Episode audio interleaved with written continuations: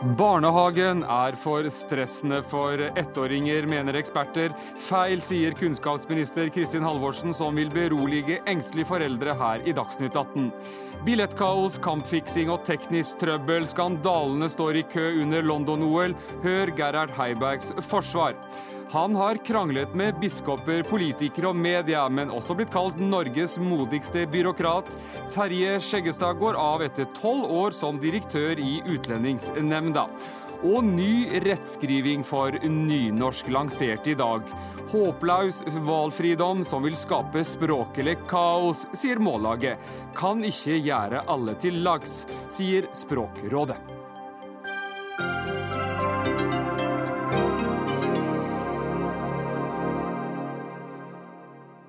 Velkommen til Dagsnytt 18. Jeg heter eh, Erik Aasheim. Den neste timen her på NRK P2 og nrk.no så skal vi også høre at stadig flere trygdekroner havner i Polen og Litauen. Norge skal ikke være Europas trygdekontor, svarer Fremskrittspartiet til eh, dette.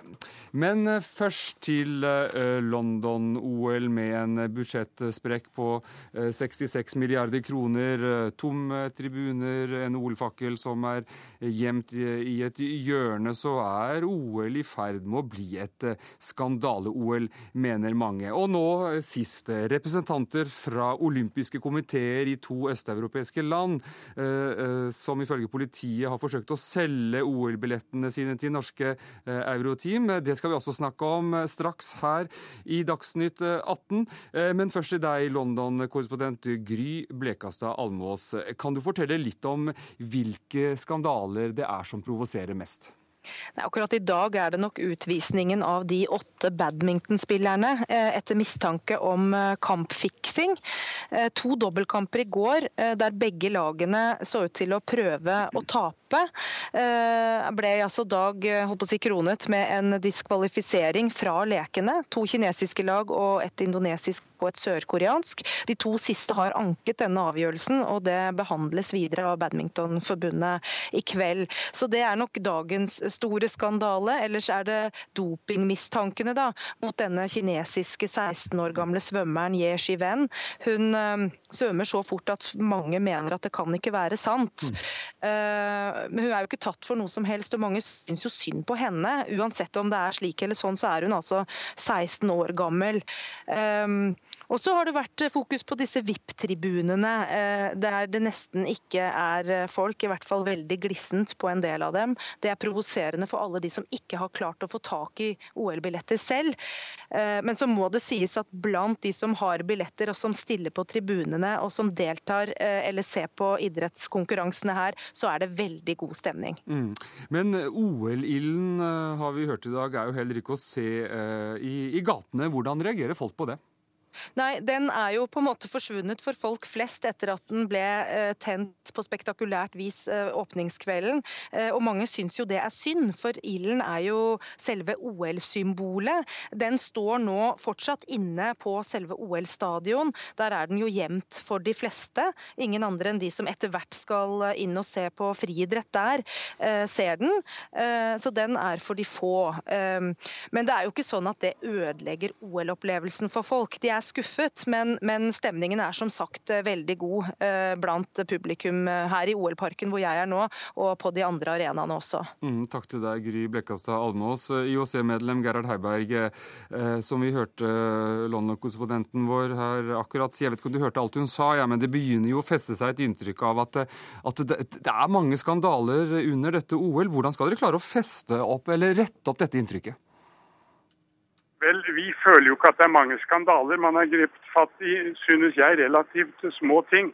På arenaene går det jo ualminnelig bra. Idretten fungerer kjempebra.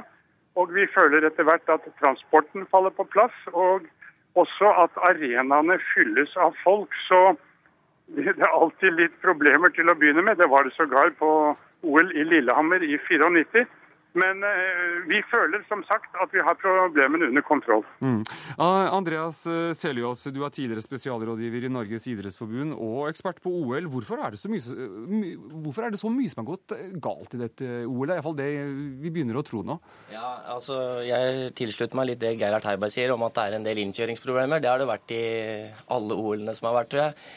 Og så tror jeg at eh, det man kaller skandaler nå, kanskje ikke er skandaler, men eh, små ting. I hvert fall hvis du sammenligner hva som har skjedd i OL-historien. Mm. 68 hadde du Black Power, 72 hadde du München-massaker. Eh, Montreal var det sikkerhetsutgifter eh, som ble betalt ned først i 2006, osv. osv. osv. Så kanskje ikke skandaler er det riktige ordet, men allikevel så er det ting som skjer her som sikkert IOC, Gerhard Heiberg og andre ikke ville skulle ha skjedd. Mm. Eh, Gerhard Heiberg, eh, det som jo er dagens store sak her i Norge, det er at tollvesenet på Gardermoen har beslaglagt 455 billetter, billetter som angivelig kommer fra to olympiske komiteer fra, fra Øst-Europa. Og disse eh, billettene var ment eh, for det norske, det norske selskapet Euroteam, et selskap som driver med annenhåndssalg. Men, men dette er altså billetter som dine kolleger uh, har valgt å selge for å tjene litt ekstra penger. Hvordan ser du på det? Det ser jeg meget, meget alvorlig på. Vi har trodd at vi skulle unngå billettskandaler, for å bruke ordet skandale igjen, ved at vi gir billettsalget til de forskjellige nasjonale olympiske komiteer, og at de så skal fordele de billettene de får. Så opplever vi altså det du er inne på, at de istedenfor å selge innen sitt eget land, som er det de skal, så går de ut og selger det på gjerne svartebørs. Det passer oss forferdelig dårlig. Og her må det ryddes opp. Vi har ikke full oversikt ennå, men dette er meget, meget alvorlig sett med våre øyne. Hva slags konsekvenser kan dette få? Ja, det har vi faktisk begynt å diskutere. Jeg vil ikke trekke noen konklusjon. Men de lokale nasjonale olympiske komiteer kommer til å få et fryktelig spetakkel med oss. Jeg regner med at en del av personene der er nødt til å gå, og kanskje at det blir straffeforfølging. For dette vet de alle sammen at vi ikke vil ha noe av. Og at det er blitt innprentet til alle 204 nasjonale olympiske komiteer så Derfor er det forferdelig trist å se hva som nå har skjedd. Ja, Heiberg, bli med oss videre, for Vi har med her i studio eh, dette selskapet som har, har, kjøpt disse billettene. Alex Ola, du jobber i Euroteam, og, og, og, og disse billettene fra olympiske komiteer fra Øst-Europa var altså ment som videresalg til dere. Eh, det er vel også ulovlig at olympiske komiteer selger billettene sine, som vi hørte Heiberg her si. Var dere klar over det?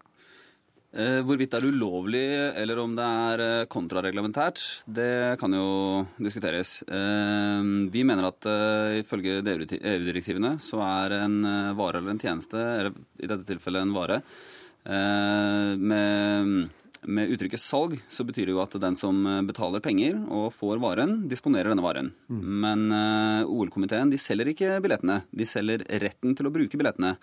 Dvs. Si det er en rettighet. Så uh, ifølge oss så, så, er det lovstridig å selge billetter på denne måten. Og det er lovstridig å forby uh, komiteene, de nasjonale komiteene å selge billettene sine videre. Mm, så, så, det er ikke det de har gjort, altså? De har solgt uh, plassene sine? Ja, de har solgt billettene sine, og det, vi kan ikke se at det er noe lovstridig i det hele tatt. Nei, Heiberg, ser du det på samme måte? Nei, absolutt ikke. Vi har eh, da inngått avtaler med nasjonale olympiske komiteer at de skal selge innen sitt eget land, og at de skal bruke noen som de da kan samarbeide med til å gjennomføre salget. I Norge er det to stykker som har fått denne muligheten.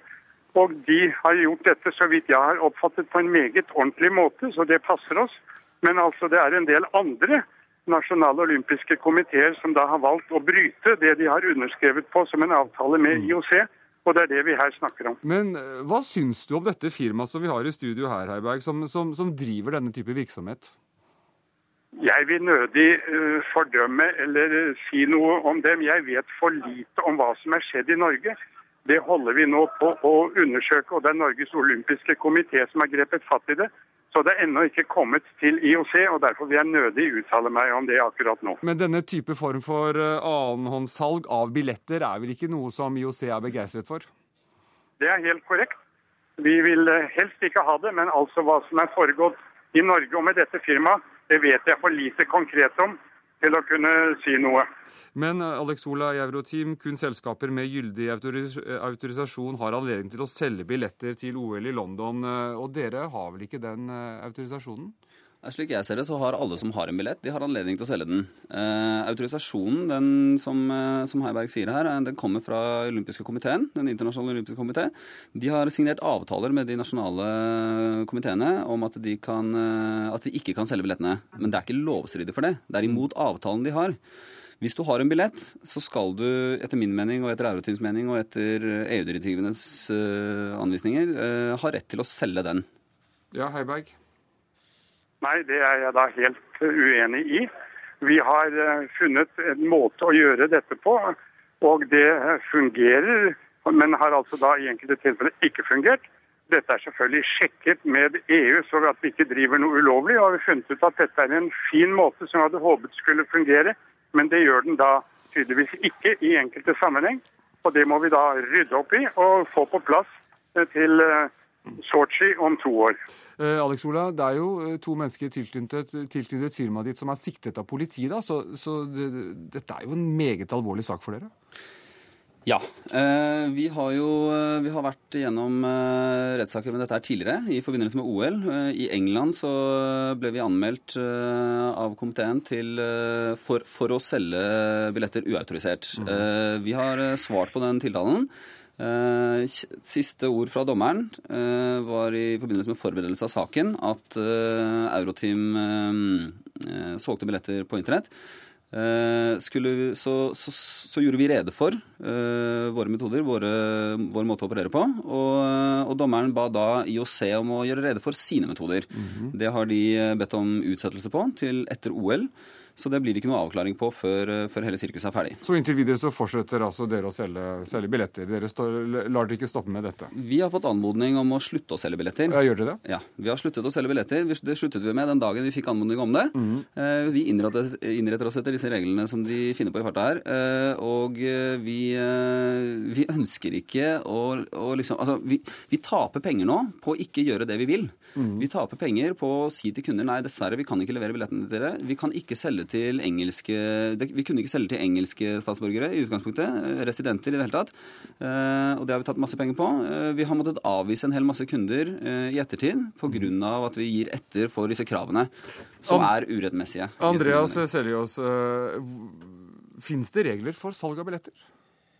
Altså I Norge så har man jo en, lov mot svartebørssalg av i hvert fall konsertbilletter. Eh, om det fungerer eller ikke, det Men andre land har, eh, har andre regler. Det er, det er, lov å selge hva skal jeg si, second hand-billetter. Men eh, jeg tror nok også at det er innafor IOC-systemet her som det største problemet er. Altså Hadde ikke de solgt de videre, så hadde heller ikke noen hatt, kunne selge det eh, som i annen hånd. Så jeg tror nok at det både dreier seg om etikk og moral på mm. IOC-siden, og så dreier det seg om jus på den andre. Ja, Heiberg, eh, det dreier seg om etikk og moral innen IOC. Nei, Det er jeg totalt uenig i. Vi har våre retningslinjer for ja, blir, hvordan man kan men, men, billetter. Men de blir jo ikke fulgt? Nei, og derfor må vi rydde opp i de som da har valgt å kjøre sin, sitt eget løp her, på, på tross av det vi har sagt.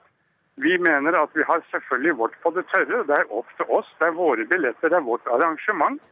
Og eh, folk da tror at de kan gå ut og gjerne selge på svartebørs. Det skal vi ikke ha noe av. Det har vi dessverre hatt i mange OL-er, og det er ikke hensikten med øvelsen at det skal selges på svartebørs, og at folk skal tjene penger på det. Selios, kan, kan vi nå forvente at det kanskje kan komme nye regler? Enda strengere? Eh, altså, Reglene er jo der. Ja. Det er jo spørs om noen eh, etterkommer dem, eller følger reglene. Det er vel det, mer det det er spørsmål om. Men det, det, kommer sikkert til å komme andre, for, eh, altså andre måter å distribuere billetter på etter mm. dette. Det tror jeg. Mm. Takk for at dere kom hit til Dagsnytt 18, Gerhard Heiberg, IOC-medlem, eh, Alex Olaf fra Euroteam og Andreas Seljås, eh, som er ekspert på OL.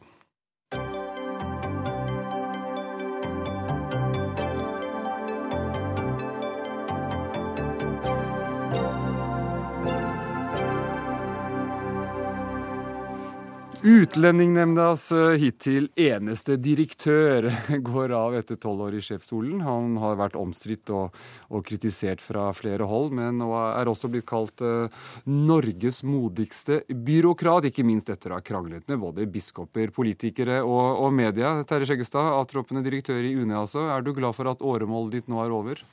Eh, nei, jeg kunne i og for seg godt ha tenkt meg å fortsette en stund ja. til. For eh, det er nok ikke helt sånn som du sier, at det er så veldig mye krangling. Men nei. Hvis jeg leser litt i arkivene her, så, så, har det, så, så, har det, vært mange historier også. Men det skal vi komme tilbake til etter hvert. Ja, det er mange mediehistorier. Det er ingen, ingen grunn til å skjule. Men, ja. men, det er ikke alltid det ligger særlig mye krangel bak det som eh, framstår som krangel i media. Nei. Men det kan være uenighet om viktige spørsmål, og det er noe annet. Og det syns jeg man skal framholde som noe positivt. Men er du enig i at i karakteristikken Norges modigste byråkrat, da? Eh, ja, vel, jeg skal ikke bedømme hva andre sier, eh, men jeg registrerer jo hva andre sier. Og, mm. og jeg setter pris på at eh, sånne karakteristikker presenteres også, selvfølgelig. Mm. Så lenge jeg selv kan ha grunnlag for å mene at jeg gjør omtrent det som er riktig i den rollen som jeg sitter i, eller som jeg har sittet i. da. Du skrev i Aftenposten i går at du og UNE ikke har latt dere affisere av utskjelling, for det har vært noen kritiske røster i årenes løp. altså her her er et par eksempler fra tidligere debatter i Dagsnytt 18. Mitt råd til Skjeggestad er derfor innvilg opphold på humanitært grunnlag eller asyl så raskt som mulig, slik at denne saken kan komme ut av verden raskest mulig. Og jeg synes Det blir litt merkelig hvis Skjeggestad skal, skal prøve å, å snakke, seg, snakke, seg, vekk fra, fra, det. For det er jo ikke noe, noe vits i nå å ha en sånn prestisjedebatt om hvem som har hatt feil og hvem som har tatt rett. Men det er ikke Skjeggestads oppgave å refse stortingsrepresentantene og si hva de skal si og ikke si. Ja, du, du smilte litt i skjegget her når, du, når, du, hørte disse Ja, Særlig når jeg hører Trond Nordby til slutt, som snakker ja. om å refse. fordi eh, det, det, var en sak jeg husker meget godt, og det var overhodet ikke snakk om noen refsing av noen stortingsrepresentanter. Det var noen stortingsrepresentanter som la seg helt flate da de hadde gjort noe galt opp mot Utlendingsnemnda. Ja, men eh, det er jo også flere stortingsrepresentanter, eh, også en minister, som, som har sagt at du har, har, har, har ringt dem og, og, på en måte nærmest irettesatt dem. Er det, er det, stemmer det ikke? Nei, det stemmer ikke. Og det er en gammel sak sak som jeg utkvitterte i Aftenposten i 2007, mm. etter at det hadde versert en sånn medievri på dette her. Det det dreide seg om, det var da ikke at jeg daglig ringte opp eh, nei, unnskyld, politikere på. Stortinget sånn som det sto eh, tilsynelatende i Aftenposten. Nå sto det ikke det heller. Men, ikke men, daglig, men, av og til, og, kanskje? Men, nei da. Det var tre og fire år tidligere så hadde jeg hatt en samtale med to stortingsrepresentanter som la seg flate for offentligheten fordi at de hadde gjort noe som ikke var så bra. Mm. Og det husket de som ubehagelige samtaler. Mm. Det er det hele. Så jeg tror vi kan stryke dette med massevis av kjefting mot stortingsrepresentanter. Det har ikke forekommet. Så du opplever at mye av kritikken mot deg og mot UNE har vært urimelig? Nei, jeg, For det første må jeg si at vi har fått veldig mye skryt. Men det er jo da skryt gjennom de mange eksterne evalueringene og, og vurderingene av UNE som er gjort av, eh, av både fagfolk og, og, ekstern annen ekspertise. Mm. Og det er jeg veldig glad for. Vi har fått vite at organisasjonen er en åpen og og selvkritisk organisasjon eh, med massevis av samvittighetsfulle medarbeidere som gjør det Stortinget har bedt om. Eh, og det er jo nettopp det vi er til for. Så det er jeg glad for. Men, men, men mange politikere har jo vært i tottene på det. Vi hørte jo noen eksempler her akkurat nå, Sjøgestad. Skjøggestad. Mener du at politikere skjuler sin egentlige politikk med vage formuleringer, og at UNE dermed ender opp som skyteskive og syndebukk? Ja, for det første var det bare én politiker som du nå refererer til. Ja, jeg, jeg, kunne, jeg, jeg kunne kuttet mange. Ja. Nettopp, men, men, men, det er klart at eh, politikere av forskjellige avskygninger har hatt sterke meninger om enkeltavgjørelsene som våre 350 medarbeidere og 300 lekfolk eh, har, har truffet eh, i løpet av disse årene. 120 000-30 000 vedtak i alt. Eh, og det skulle nesten bare mangle. Da Justisdepartementet var klageorgan, så var det jo mye større og, og, og kraftigere kritikk som runget. Og etter at UNE ble etablert, så har faktisk de siste meldingsmålingene viser at vi har aldri hatt så høy tillit i den samlede befolkning til utlendingsforvaltningen som det vi har akkurat nå. Og den ble markant økt da Utlendingsnemnda ble etablert, eh, eller etter at Utlendingsnemnda ble etablert som klageorgan etter Justisdepartementet. Eh, men samtidig så er det jo sånn at dette feltet er så komplekst, så vanskelig og så konfliktfylt, med en så polarisert opinion og med så sterke forskjellige oppfatninger på begge sider, at eh, det, det, er helt opplagt at iblant har politikere behov for å si noe som kan høres annerledes ut enn når Utlendingsnemnda som faginstans uttaler seg. Mm. Og Det er noe selvfølgelig Utlendingsnemnda uh, må leve med. Uh, men det er samtidig viktig for Utlendingsnemnda da som et uavhengig organ, altså ikke noe vanlig forvaltningsorgan i norsk sammenheng, sier fra om det som er riktig, sett med faglige synspunkter. Og Det har vi lagt veldig stor vekt på å få fram i løpet av disse mm. årene, og at vi ikke skal si noe annet enn det som er riktig, selv om det kan oppleves som ubehagelig der og da, og selv om politikere kan kritisere fra forskjellige kanter. Ja, for du har, har jo fått, fått... fra S, altså SV har jo kritisert deg mange ganger, og der har de jo eh, altså bl.a. sagt at, eh, at eh, det er nesten litt håpløst at, at storting og, og, og, regjering må nærmest instruere uh, Utlendingsnemnda. Har jeg sagt at Nei, det har SV. SV har jo kommet med den, den kritikken fordi du har du har valgt å tolke øh, vedtak på ja. din måte? Nei, nå er det sånn at uh, når det gjelder roller og styringsforhold, som vi har vært veldig opptatt av i Utlendingsnemnda helt siden starten, så er det ingen styrende myndighet som noen gang har sagt noe annet om dette, disse forholdene enn det jeg har uttalt. Mm. Sånn at vi har hatt forskjellige regjeringer, altså utgått fra forskjellige partier, mm. som har vært helt på linje med det jeg har uttalt om roller og styringsforhold, og hvordan beslutninger treffes i dette systemet. Mm. Så det har jeg ikke noe problem med. Det er klart at det har vært andre politikere som ikke sitter og styrer, som har eh, uttalt ting som kan eh, være annerledes enn det vi har gjort, om hvem som styrer og hvordan. Og da har vi pleid å si fra hvordan tingene er. Er det noe du angrer på? Eh, nei, altså For det første, først og fremst er jeg veldig glad for at eh, vi har, mener jeg, og ut fra alle eksterne evalueringer, eh, en organisasjon som er velfungerende. Det har du sagt, Men det, jeg spurte om det men du angrer på. Ja. Og så er det nok det, det jeg i den sammenhengen angrer på, det er at vi skulle ha lagt enda mer vekt på da Utlendingsnemnda ble etablert for tolv år siden. Og å få fram at vi ønsker å snakke med alle om UNEs virksomhet. Vi har gjort det i de aller fleste av disse tolv årene og lagt stor vekt på det. Enten det er kritikere eller det er andre, så ønsker vi å snakke med dem. Og vi ønsker og har ønsket å korrigere ting, noe vi da også har gjort etter gode innspill fra eksterne aktører. Du søkte jobben som ny sjef for Politiets sikkerhetstjeneste. Den fikk du ikke. Hva skal du gjøre nå? Nå skal jeg ha eh, tida fram til nyttår eh, med å studere i utlandet, og ha med min 13-årige sønn som skal gjøre det samme. Takk for at du kom til Dagsnytt 18, Terje Skjeggestad. Tusen takk.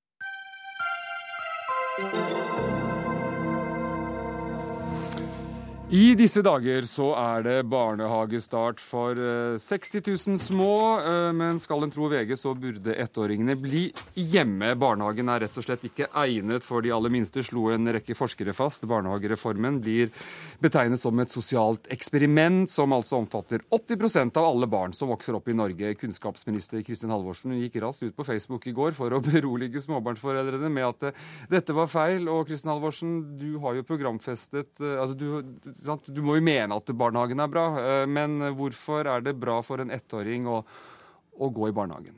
Det er fordi at en god kvalitetsbarnehage er et godt tilbud til, til ettåringer. Og jeg må jo si at det er veldig historieløst å snakke om de store eksperimentene nå. Fordi man fortegner jo hva som var gamle dager.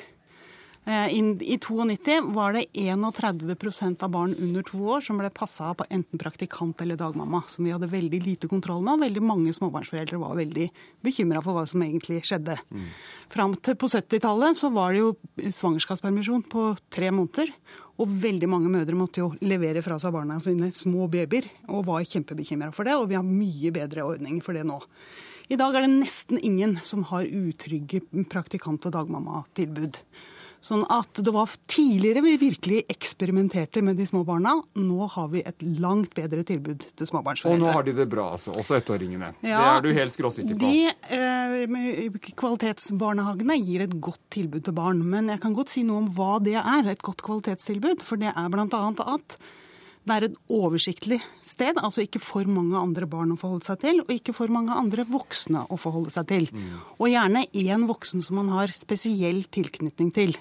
Godt samarbeid med foreldrene, sånn at barnehagen vet hva er barnas rutiner, hvordan reagerer forskjellige barn, og at man liksom hele veien jobber med å utvide det som er ungens eh, aksjonsradius. da. Akkurat sånn som man gjør hvis man har ansvar for barn hjemme. Lars Smith, du er professor i psykologi ved Nasjonalt kompetansenettverk for sped- og småbarns psykiske helse. Hvorfor er det utfordrende for ettåringer å starte i barnehagen? Eh, det er utfordrende fordi eh, det er vanskelig å tilrettelegge miljøet for ettåringer i barnehager slik at det ivaretar eh, barns tilknytningsbehov på en adekvat måte. Jeg har aldri sagt at ettåringer ikke skal gå i barnehage, men jeg har sagt at det er en stor utfordring å gjøre miljøet godt nok. Og jeg tviler kanskje på at det som Kristin Halvorsen kaller god kvalitetsbarnehage, at det det er en situasjon som gjelder jevnt over når vi snakker om ettåringer, altså barn mellom ett og to år. Halvorsen? Nei, Det må jeg jo si er en påstand som er tatt ut av lufta, og som sammenligner med en, en, hva skal si, en situasjon som ikke har vært. Det var jo heller ikke sånn når jeg vokste opp på 60-tallet i Porsgrunn, og veldig mange mødre var hjemmeværende. Det var jo ikke sånn at disse mødrene stort sett satt og var opptatt av barna sine. Jeg husker mm. mange av mine lekekamerater satt på kalde trapper og fikk ikke slippe inn fordi mødrene drev og vaska og hadde så gullende reint hele tida. Mm. Så at jeg mener at utgangspunktet for å gi et godt tilbud til de minste barna er bedre nå enn det noensinne har vært. Men kan du Men bevise det, veldig... det, da? Altså Er det også bare en påstand? Så, altså, Nei, vi, tenk, tenk, på et tall, Vi vet jo noe om dette, ja. og Smith sier jo heller ikke at ikke det er mulig å lage gode kvalitetsbarnehager for barn. Ja, Smith, Men vi må være veldig opptatt av nettopp det med tilknytning, som han er flink til å understreke, og som alle andre som jobber med de minste barna i barnehagen er flinke til å understreke. Ja, Smith, kom igjen. Ja, altså jeg øh, er helt enig i at for, at for, for mange barn så vil det faktisk være gunstig, gunstig, øh, mer gunstig å gå i barnehage enn, enn, å, enn, å, være hjemme. og Det gjelder jo da særlig hvor, da, i, i, situasjoner hvor foreldrene er altfor travle, eller hvor de, hvor de har Eh, psykiske problemer, eh, eller eh, at de, er, at de har problemer av annen art, rusproblemer osv. Det er mange barn som da vil faktisk få et bedre barn, mange ettåringer som vil få et bedre miljø i barnehagen enn hvis de ikke gikk i barnehage. Og jeg er enig med, med, med Kristin Halvorsen i at, da, at det at vi har fått vekk dagmammaordningen, som var en ukontrollert ordning hvor man ikke visste hvor barna ble plassert, at det også er, er, er svært heldig. Men jeg altså det, som, det som trengs, det er at, at ettåringene har en person som de kan knytte seg til i barnehagen. Altså at, de har en, at de har en tilknytningsperson i barnehagen. fordi at når de er, i hvert fall når vi snakker om barn som er 30-40 timer i uken i barnehage, så kan ikke de gå 30-40 timer i, i, uken uten å være sammen med en tilknytningsperson. Men hvis ikke de har det, Lars Smith, hva, hva slags skadevirkninger kan det, det, det gi? Det kan gi en hel rekke forskjellige skadevirkninger. Det er ikke noe, er ikke noe, noe bestemt syndrom, men altså øh, øh, at, at, det er, at, det er øh, at, at, barn som har gått i som har hatt stressende forhold i, i barnehagen. Nå snakker jeg igjen om, om ettåringer. altså at, at ettåringer som har hatt stressende forhold i barnehage uten mulighet til en god og trygg tilknytning til en person i barnehagen, at de får en rekke atferdsvansker mm. senere. Det er, det, det, er vist gjennom en rekke studier. Men det er, men det er jo slik at, at, dette gjelder jo ikke nødvendigvis alle barn. Noen mm. barn er mer sårbare, noen, noen, er mer robuste. slik at det er jo store individuelle forskjeller. Noen barn klarer selv en stressende barnehagesituasjon i ettårsalderen eh, temmelig bra, mens andre barn som er mer sårbare, ikke klarer det. Sølje Bergman, du er frilansskuespiller, men du har ikke vært så mye å, å, å se de siste fire årene. Hvorfor det? Nei, det er fordi at jeg har eh, fått tre barn de siste fire årene, og jeg velger å være hjemme med dem til de er tre år. Jeg er ikke interessert i et barnehagetilbud fra de er ett år overhodet. Hvorfor ikke det? Nei, for jeg mener at velger man å få barn, så må man ta ansvar for det mm, vidunderlige skaperverket de er. Og for meg å sende en ettåring i barnehage Uansett hvordan vi vrir og vender på det, så er ikke det det beste for barnet som et utgangspunkt. Hvis vi snakker om barnas behov og setter barna øverst i høysetet og legger bort alt som er politikk og økonomi og alle disse innfallsvinklene som selvfølgelig ikke nødvendigvis tilrettelegger for det. Men jeg mener at eh, barn absolutt har det best med sine foreldre. Hvordan reagerer du når du hører kunnskapsministeren her snakke, da? Nei, jeg skjønner mye av det hun sier, for hun må jo snakke ut ifra et politisk og økonomisk eh, samfunnsansvars eh, en innfallsvinkel som handler om, mer om politikk og økonomi. Mens jeg velger å hele tiden falle tilbake på det jeg mener er essensen, og det er barna.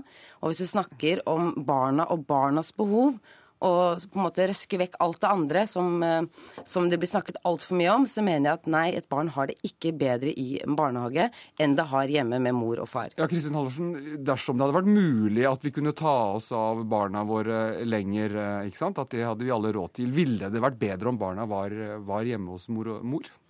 Nei, men jeg blir veldig hva skal jeg si, overraska over at man kan påstå at de som har barn i barnehage, de tar seg ikke av barna sine. Fordi her er det jo snakk om begge deler. Eh, jeg respekterer fullt ut at noen småbarnsforeldre velger andre løsninger. Men det som er min jobb, det er å gi et tilbud til de som ønsker en barnehageplass. Et godt pedagogisk tilbud. De som ikke har noen andre valg. Det er mange foreldre som ikke kan velge å være hjemme i, mange år selv om de får barn. De skal vite at de får et godt Eh, kvalitetstilbud. Men Syns du Silje Bergman er litt gammeldags her? Altså... Nei, jeg respekterer de valgene som småbarnsforeldre gjør. Det står de helt fritt å gjøre. Og så regner jeg med at de respekterer andre småbarnsforeldre som velger å ha en barnehageplass. Og mm. da har jeg én jobb uh, å gjøre, og det er å sørge for å rekruttere godt personale.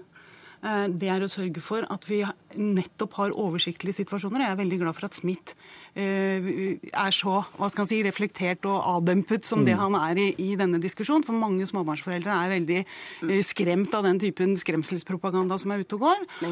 Og så mener jeg at barnehage er et veldig godt tilbud til barn. Eh, og skulle ønske at alle barn hadde mulighet til å gå i barnehage før de begynner på skolen. Ja, fordi deres sosiale behov Nei, har sier... veldig store gleder jo, av det. Alt det du sier er på en måte politisk korrekt, og jeg skjønner at du sier det. Men nå snakker jeg om disse søte små barna på ett år. Og hvis du snakker om ettåringer, hvis du, hvis du klarer å snakke genuint ut fra barnas behov, så er det ikke barnet som har behov for barnehage, det er foreldre, og det er hvordan samfunnet er lagt opp. Et barn på ett år maser ikke, har overhodet ikke den eh, noe nytte, sosialisering eller utvikling i det hele tatt noe nytte av å gå i barnehage. Det har nytte å være sammen med sine foreldre og nyte den tryggheten man eventuelt kan klare da å bygge opp ved å gi dem ro, ikke stress og trygghet at det er nødvendig i visse tilfeller. Jeg skjønner jo det, jeg ser samfunnsutviklingen.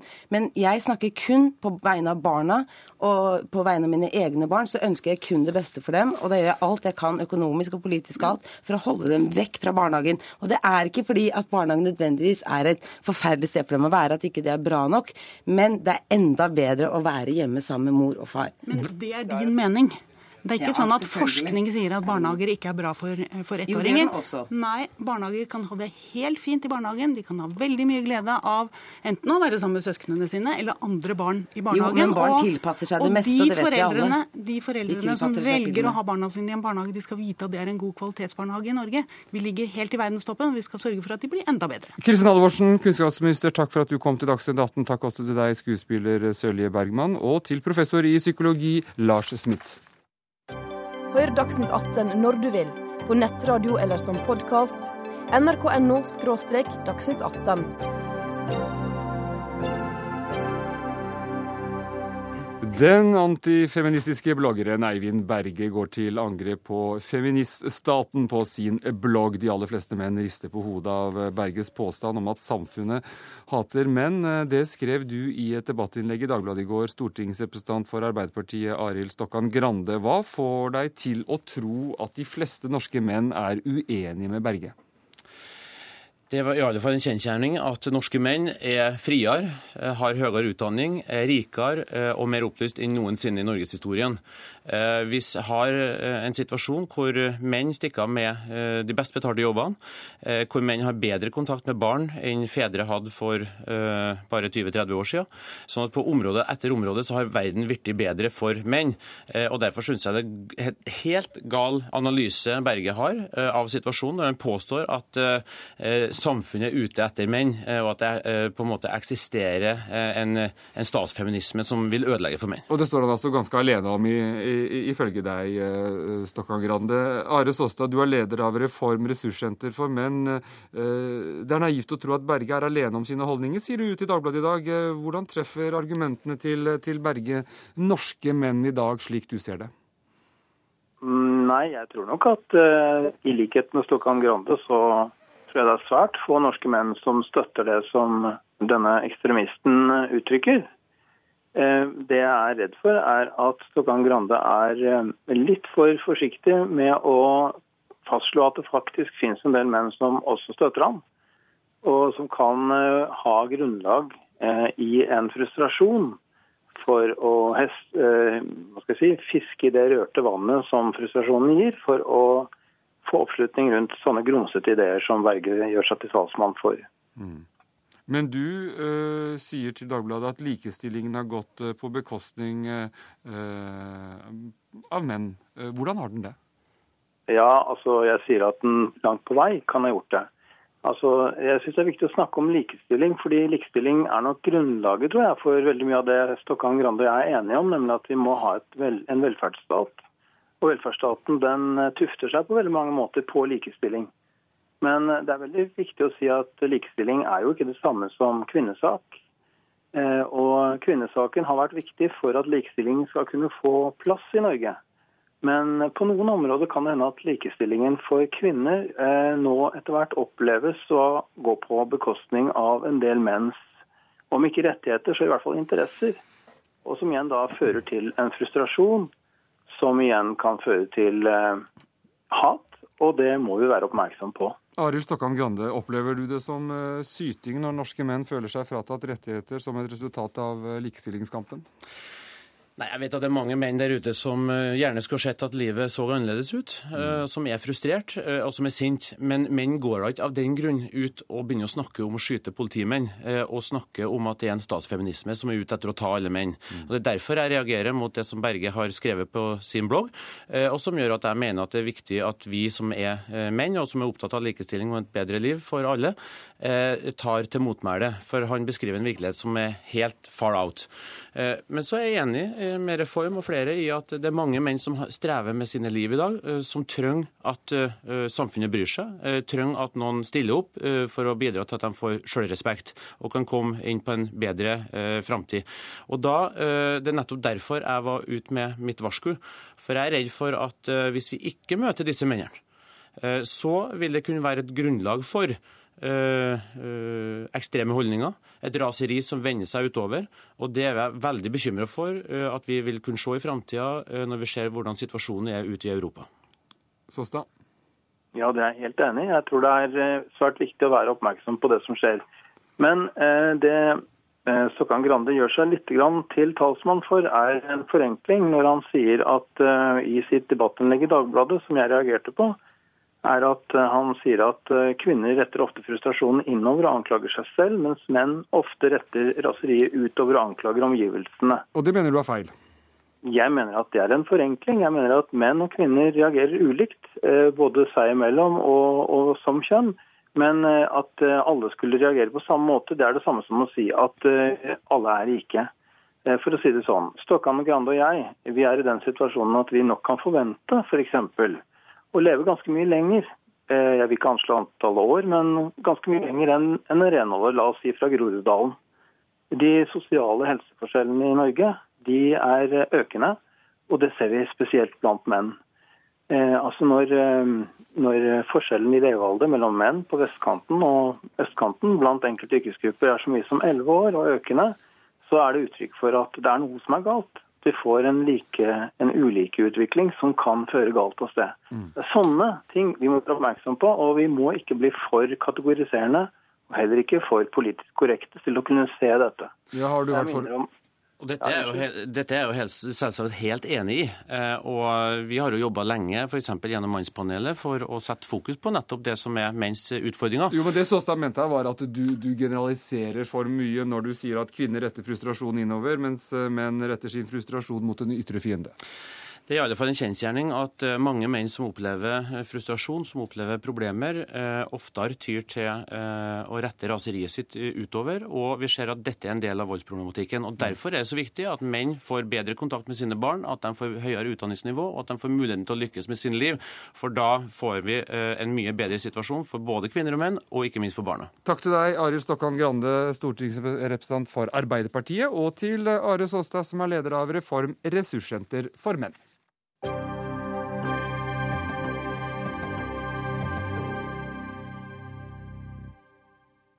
Norske trygdepenger skaper trygghet for eh, polske eh, familier i Polen, bekrefter polakker i Norge overfor Aftenposten. Siden utvidelsen av EU mot øst i 2004 så har trygdeutbetalingene til utenlandske statsborgere økt i takt med arbeidsinnvandringen. Og, og Gjermund Hagesæter, eh, stortingsrepresentant fra Fremskrittspartiet, dere er skeptisk til denne utviklingen, og hvorfor det?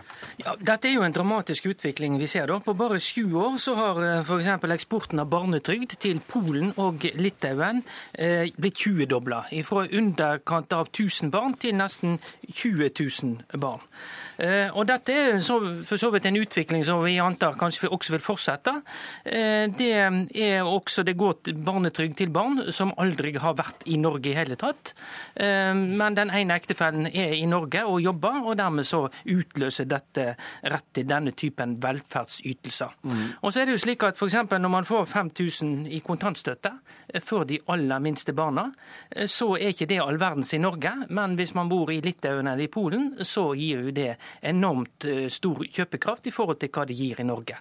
Slik at Dette er for så vidt ikke likhet. Dette er da slik at de som får da, um, bor i, uh, Polen, i Litauen, i andre østeuropeiske, tidligere østeuropeiske land, de får altså en langt bedre kjøpekraft pga. sin barnetrygd og da den kontantstøtten som de får i, i Norge. Vi skal komme tilbake hvert øyeblikk til, til, til hva du mener bør gjøres. Men til deg først, Anette Trettebergstuen. Du er arbeidspolitisk talskvinne for uh, Arbeiderpartiet. Er det riktig at folk skal kunne sende trygdepenger ut av landet?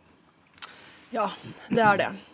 Uh, vi har et viktig prinsipp i Norge som heter 'gjør din plikt og krev din, rett'. Når uh, folk kommer til Norge for å jobbe og får seg jobb, um, og arbeidsinnvandringen har økt, det er helt, helt, rett. Det skal vi være glad for. At polakker ønsker å komme hit og jobbe. Det er, eh, det er en forutsetning for vår vekst. Vi er helt avhengig av den arbeidskrafta. Når de kommer til Norge, jobber, eh, betaler skatt, betaler trygdeavgift, så har de altså krav på de samme rettighetene som andre nordmenn som jobber og betaler de samme avgiftene. Deriblant dagpenger og barnetrygd. Sånn er det.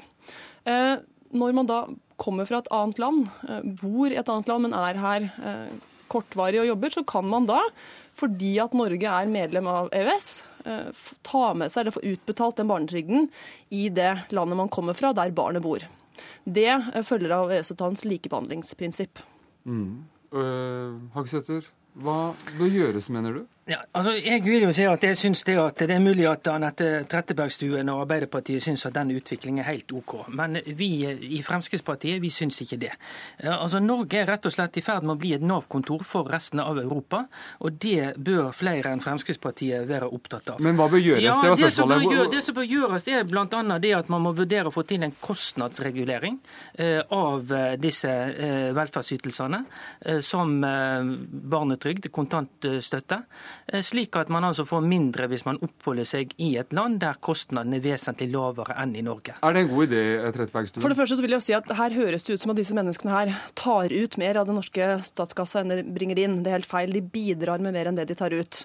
Eh, og så er det også som jeg sier, at uh, siden vi er medlem av uh, så har man krav på å ta med seg trygda si til utlandet. Det gjelder også norske pensjonister som bosetter seg i Spania. Det er de som eksporterer flest trygdekroner ut av landet. Sånn som 60 av alle trygdekroner som går ut av landet, eh, følger med norske pensjonister. Så har det sagt, så skjønner også jeg, og jeg tror nok alle er enig i det, at, at det å skulle få en norsk barnetrygd på rundt 11 000 kroner eh, i året, eh, er jo mye mer penger i Polen eller Bulgaria enn det det er i Norge. Og det høres kanskje forlokkende ut å si at jo, men kan vi ikke da kjøpekraftregulere eh, barnetrygden, sånn at den blir, eh, blir mindre verdt? Eh, det er utreda, det er prøvd, og det er fullstendig klinkende klart at det er i strid med EØS-avtalen. Og det tror jeg også Fremskrittspartiet eh, her vet. Ja, Gjør du det? Faktisk? Nei, altså regjeringen har altså ikke gjort noen ting forsøk på å få reforhandla EØS-avtalen eh, e på dette altså, punktet. Det er, det, det er altså poenget ditt. Du mener at, at, at, det er dit vi må gå? Reforhandle hele EØS-avtalen? Ja, altså Vi bør se på det. altså fordi at EØS-avtalen så er den veldig gunstig for Norge på de aller fleste punkt. Det gjør at vi får en del arbeidskraft i Norge og får utført en del arbeid som vi kanskje heller ellers ikke ville fått utført. Så det er positivt. EØS-avtalen er, er en livslinje for norske arbeidsplasser, og det er helt uaktuelt å gjøre noe som setter den i fare. Ja, det er riktig. Men så er det det at en god EØS-avtale kan bli enda bedre.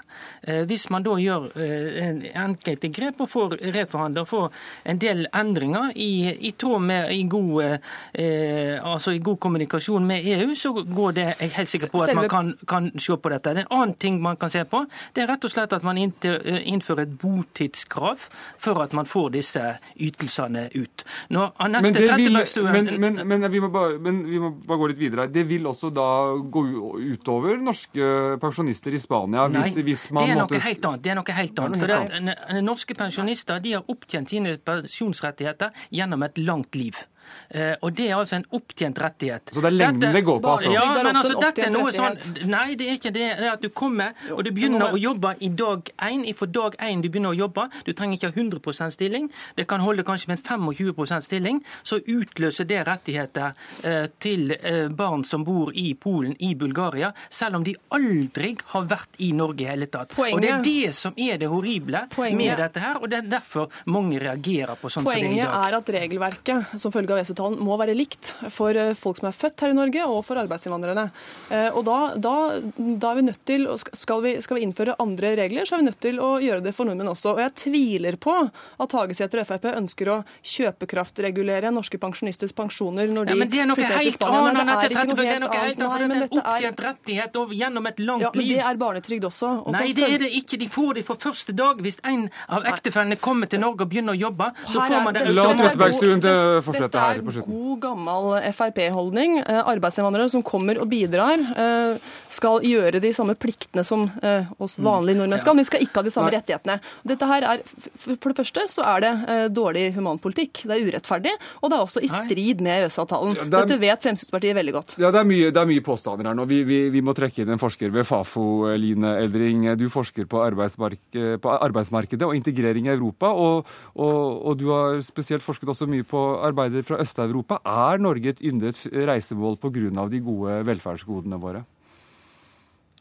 Nei, det tror jeg egentlig ikke. Men Norge er et yndet reisemål. Det har kommet veldig mange østeuropeere til Norge for å jobbe de siste årene. Mm. Og jeg tror nok at eh, gode velferdsordninger kan være et tilleggsinsentiv, men jeg tror ikke det er der det starter. Og den andre siden av medaljen som Hagesæter peker på, er jo nettopp det at skatteinntektene har jo også økt veldig mm. fra denne gruppa i denne perioden. Så jeg syns det er naturlig at det diskuteres, og, og, at det vekker litt oppsikt når det slås opp sånn som det gjorde i Aftenposten i dag. Mm. Men det er, det er, jo sånn at for å, for å oppnå denne flyten av bevegeligheten av arbeidskraft i Europa, så, så er dette med koordinering av trygderettigheter en ganske viktig forutsetning. At man ikke taper rettigheter på å reise et annet sted. Og det er jo også da til en viss grad koordinering av barnetrygd mellom land, sånn at man, man, man kan trekke fra det man, man skal trekke fra det man får hjemme osv. Men, men kan, kan, Norge lage sine egne regler, altså som Frp foreslår? Stramme litt inn, eh, gjøre det litt vanskeligere? Eller? Ja, Norge kan godt stramme inn, men da må vi gjøre det for alle. Vi kan mm. ikke lage egne regler for polakkene eller bulgarerne. så da... Mm. Og det er jo noe som har vært diskutert, om man bør stramme inn, om det er enkelte ordninger som, som heller burde erstattes av tjenestetilbud som da ikke er så lett å overføre. Altså mindre kontantordninger, mer tjenesteordninger. Kontantstøtte jo eh, til barn er jo et veldig godt eksempel men, på en ordning. Mm, men, men, kostnadsregulering, som Frp her har foreslått, eh, er det mulig, eller vil det komme i strid med EØS-reglene? Det tror jeg at, eh, at, det vil gjøre. Men om det ikke gjør det, så, så vil det i hvert fall ikke være mulig å lage egne regler for eh, østeuropeere og andre for nordmenn. Da måtte man i så mm. fall kostnadsregulere også for uh, spanske pensjonister eller nei, norske pensjonister i Spania og mm. småbarnsfamilier. Akkurat. Men er det andre land i Europa som har særregler på disse områdene? Nei, altså EU-land eh, e følger jo EU-regelverket. Ja. Men, men, det er jo veldig ulike nasjonale trygdeordninger. Altså veldig ulike nasjonale systemer i, i Europa. Så der er det ikke likt over hele fjøla. Men når det gjelder hva skal jeg si, diskriminerende praksis, så vil det være veldig strengt i forhold til EU-regelverket. Da setter vi punktum for denne runden her i Dagsnytt 18. Takk for at dere kom, Line Eldring ved Fafo, Gjermund Hagesæter fra Frp og Anette Trettebergstuen fra Arbeiderpartiet.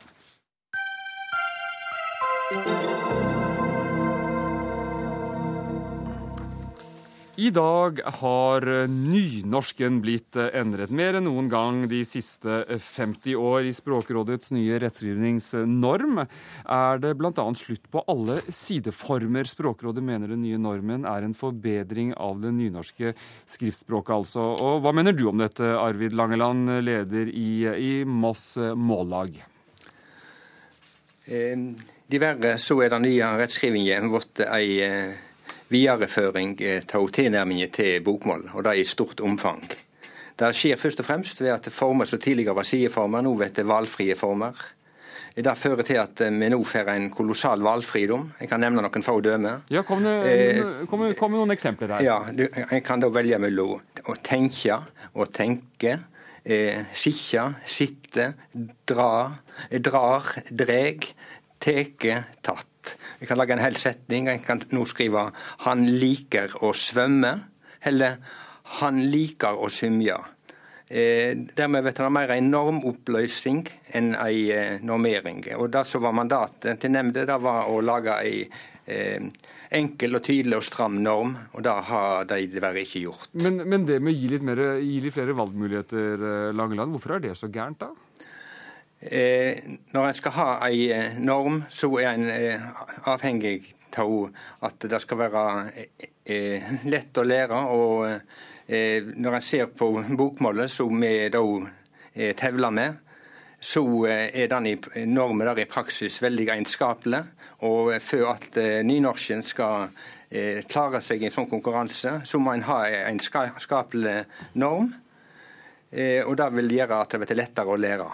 Magne Aasbrenn, du er leder i Østfold Mållag, og du er med oss eh, fra studio i Fredrikstad. Du er, ikke, ja, du er heller ikke overbegeistret for den nye reformen, men du har en annen begrunnelse enn dine nynorskvenner i Voss?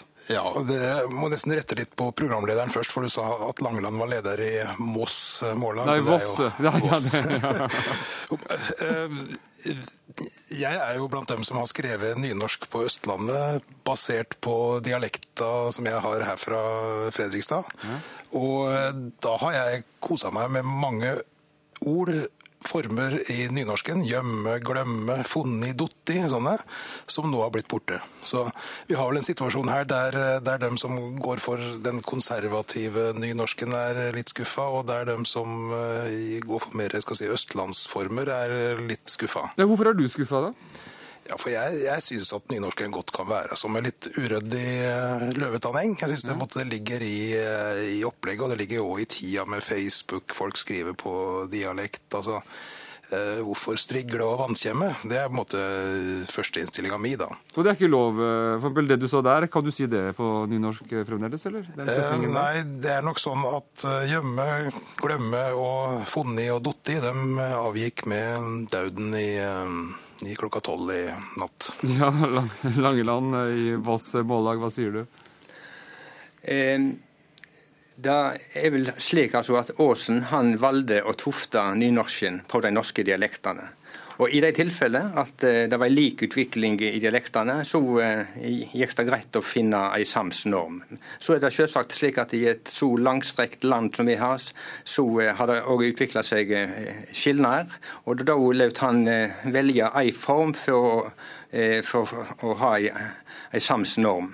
Slik er det i eh, alle nord, eh, vanlige normalspråk, standardspråk. Du kan ta tysk eller spansk. Vi kan bare tenke oss sjøl. Altså nå, eh, I den nye rettskrivingen så kan du til dømes skrive verbet 'å følge' på seks forskjellige måter.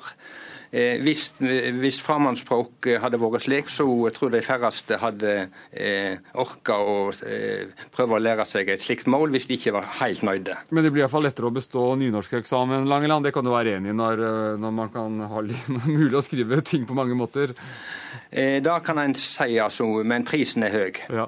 Magne Aasbrenn, eh, da jeg hører deg eh, snakke nå, så høres jo det ut som samnorsk for meg, altså. Men, ja, jo, ja, det, og det kan godt være det. Altså, eh, kan, vi kan se på nynorsken som to ting. Enten så er det en bunad der det- klirrer i sølv og sylv og er fint til, til helga, men jeg ser på nynorsken som olabukse, som eh, jeg kan bruke på vanlig norsk måte med a-endinger der det ikke er stygt eh, å, å si prinsessa, men det er det er vanlig å si prinsessa. Altså, altså en, en, en nynorsk som er til praktisk bruk i alle deler av landet.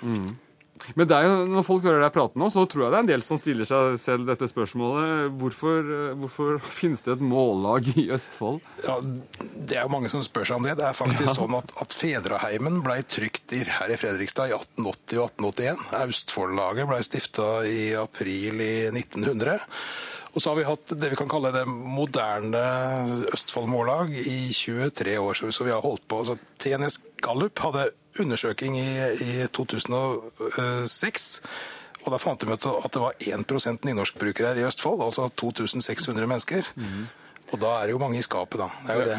Jeg eh, må nett få eh, arrestere eh, Aasbrenn litt grann det her når det gjelder billett. Altså, det, det, å gjøre gjeldende en motsetning her mellom eh, bunad og eh, eh, hverdagsspråk, det, er, det stemmer ikke. For i de eh, områdene der nynorsken faktisk har vunnet fram, så er han fullt brukende både til hverdags og til helg. Ja. Eh, slik at den, det er falsk motsetning. Men- ja, det, men- det, det vil jeg gjerne si at, at vi i Fredrikstad Mållag vi hadde tur til Voss.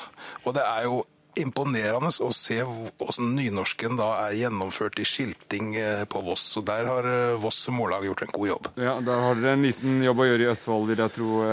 Osbren. Eh, Men, men, vi men vi må trekke inn et menneske til her, Vim. Eh, Det er deg, Marit eh, Hovdenak. Du er seniorrådgiver i, i Språkrådet. Hva sier du til denne kritikken som kommer her, at det nå, mulighetene er nå blitt altfor alt for mange? Ja, det er mange ting jeg kan si til det. Eh, For det første så er det jo mange ulike meninger. Vi har jo hørt to Forskjellige meninger her som, markante som, her. som begrunner det på forskjellig måte. ikke Ja. sant? Ehm, Men uh, det som var viktig for Språkrådet, det var at uh, vi vurderte det slik at det ville være bra for nynorsken og for språkbrukerne å forenkle rettskrivinga i nynorsk. Mm. Faktisk forenkle. Og Men, er det, men, men det forenkla, er det også for å gjøre det måtte, mer attraktivt eller enklere også på skolen? At, at elever skal bli motivert til å måte, eh, jobbe med dette språket? Er det også et argument? Ja, det er jo mange hensyn. Altså, En skal jo tenke på det som skriver nynorsk i dag. Jeg har lært det gjennom eh, et par generasjoner. generasjoner. Og så skal en tenke på det som skal lære nynorsk, som er ung, eller som skal bruke det i arbeidslivet. Så det er forskjellige grupper av språkbrukere, da. Men eh, mm, Men, men, Ja. men, var, det, var det virkelig behov for denne reformen? Var det ikke fint nok som det var da? Ja. På mange måter var det det, men altså Språkrådet mente det var, ville være fornuftig å forenkle og prøve å, å redusere på en del av de valgfrie formene. Og Mm. litt på samme måte som det er gjort for bokmål for sju år siden, i 2005. Eh, og gjøre det sånn at det var, ikke skulle være sideformer lenger. Mm. At alle former er på samme nivå. At alle er like gode. Ja. Og så har vi lagt vekt på, i tillegg, at eh, når en skulle eh, beholde former, skulle en ta det som er vist seg å være vanlig i skrift i nynorsk de siste 50 åra. Mm. Da er det jo en del som er gått ut, som vi har hørt. Da hørte, vi, da hørte vi Språkrådets eh, begrunnelse her. eh, men Arvid Langeland i, i Voss Mållag, jeg må bare spørre deg om en ting. Når du hører Magne Aasbreen her snakke, syns du virkelig han snakker nynorsk? Han, han snakker vel eh, dialekten sin, og det er vel og bra. Og han har nok streva på i mange år i eh, Østfold for gjennomslag for nynorsken, men må, når han nå har hatt høve i over 50 år, med det er da enda større valgfridom enn det vi har fra i dag av, så er må en eh, tenke gjennom om den argumentasjonen egentlig holder. Det er trist at det er så lite nynorsk i eh, Østfold. Og men Åsbrøn, det ja. tilsier at en må revurdere argumentasjonen. Åsbrøn, du skulle gjerne drømt om å ha hatt uh, nynorsken til Langeland, vil jeg tro, helt kort.